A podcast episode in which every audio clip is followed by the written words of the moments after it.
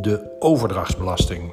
Als de plannen door de Tweede en de Eerste Kamer worden aangenomen, en dat weten we pas medio november, dan zal vanaf 1 januari de overdrachtsbelasting veranderen.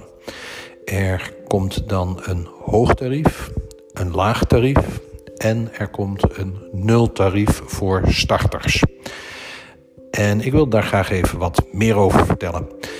De overdrachtsbelasting wordt standaard op 8% gezet. En dat maakt dan niet uit uh, wie het koopt. Het gaat erom uh, wat er gekocht wordt.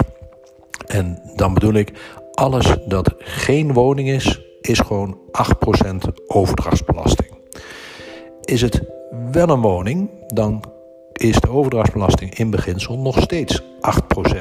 Maar ga je er zelf wonen, dan is het 2%. Dus iedereen die een woning koopt om er zelf te gaan wonen, betaalt maar 2% overdrachtsbelasting. Een belegger die een woning koopt, en dat is iedereen die een woning koopt waar die niet zelf gaat wonen, moet 8% afdragen. Dus dat zijn niet alleen de grote beleggers, zoals grote pensioenfondsen, maar ook de ZZP'er die voor zijn eigen pensioen moet zorgen en een appartement koopt om dat te verhuren. Die zal gewoon 8% moeten betalen. En dan hebben we nog de startersvrijstelling, de 0%. En die kan één keer in je leven gebruikt worden. En dat is een nieuwe regeling. Maar daar moet je wel even mee oppassen. Want die 0% is niet alleen maar voor starters, maar is ook voor doorstromers.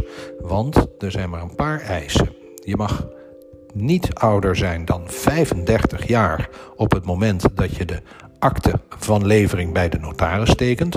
Dus let op, niet nog tekenen op je 35ste verjaardag zelf, want dan ben je te oud. Het moet voor je 35ste verjaardag zijn. En je moet zelf in het huis gaan wonen. Bovendien kun je deze vrijstelling maar één keer inzetten gedurende je leven. Dus je moet wel even goed nagaan of je voor deze woning die je wil aankopen nu al de vrijstelling wil gebruiken of dat je misschien later nog een keer in wil zetten. Nou is er alleen een probleem met dat later, want het wetsvoorstel geeft nu al duidelijk aan dat die vrijstelling, die 0% voor starters en doorstromers, maar geldt tot, moet ik het even goed zeggen, 2026. Het is maximaal 5 jaar. Dus als je er optimaal gebruik van wil maken, dan moet je er wel even rekening mee houden dat je dus in de eerstkomende 5 jaar eh, ja, een woning moet kopen.